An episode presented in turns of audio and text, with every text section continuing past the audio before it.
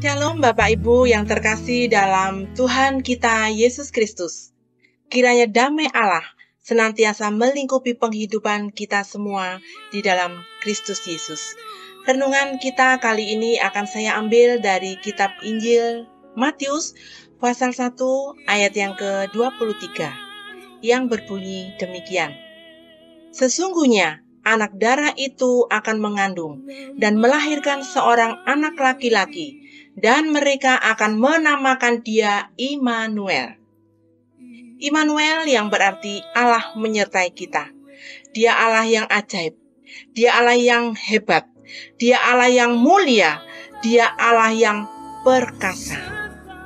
Allah inilah yang telah turun ke dalam dunia dan menjadi sama dengan manusia dia diam di antara kita sebagai manusia.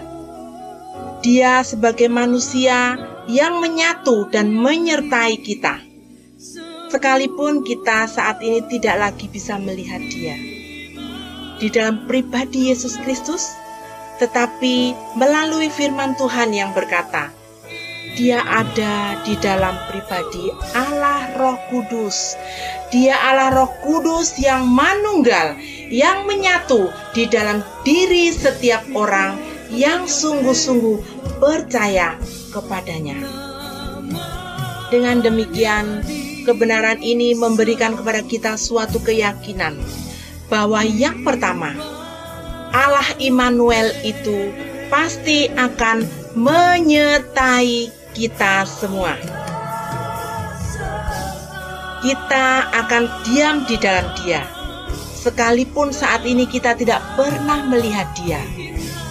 Dia berjanji, Dia akan tetap berada di dalam penghidupan kita, sekali-kali pun tidak akan meninggalkan kita.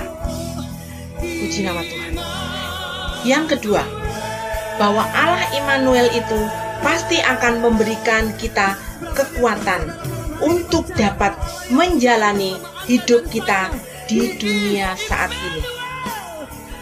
Lalu, yang ketiga, bahwa Allah Immanuel itu pasti akan memberikan kepada kita pertolongan untuk kita dapat menyelesaikan setiap permasalahan yang ada dalam penghidupan kita.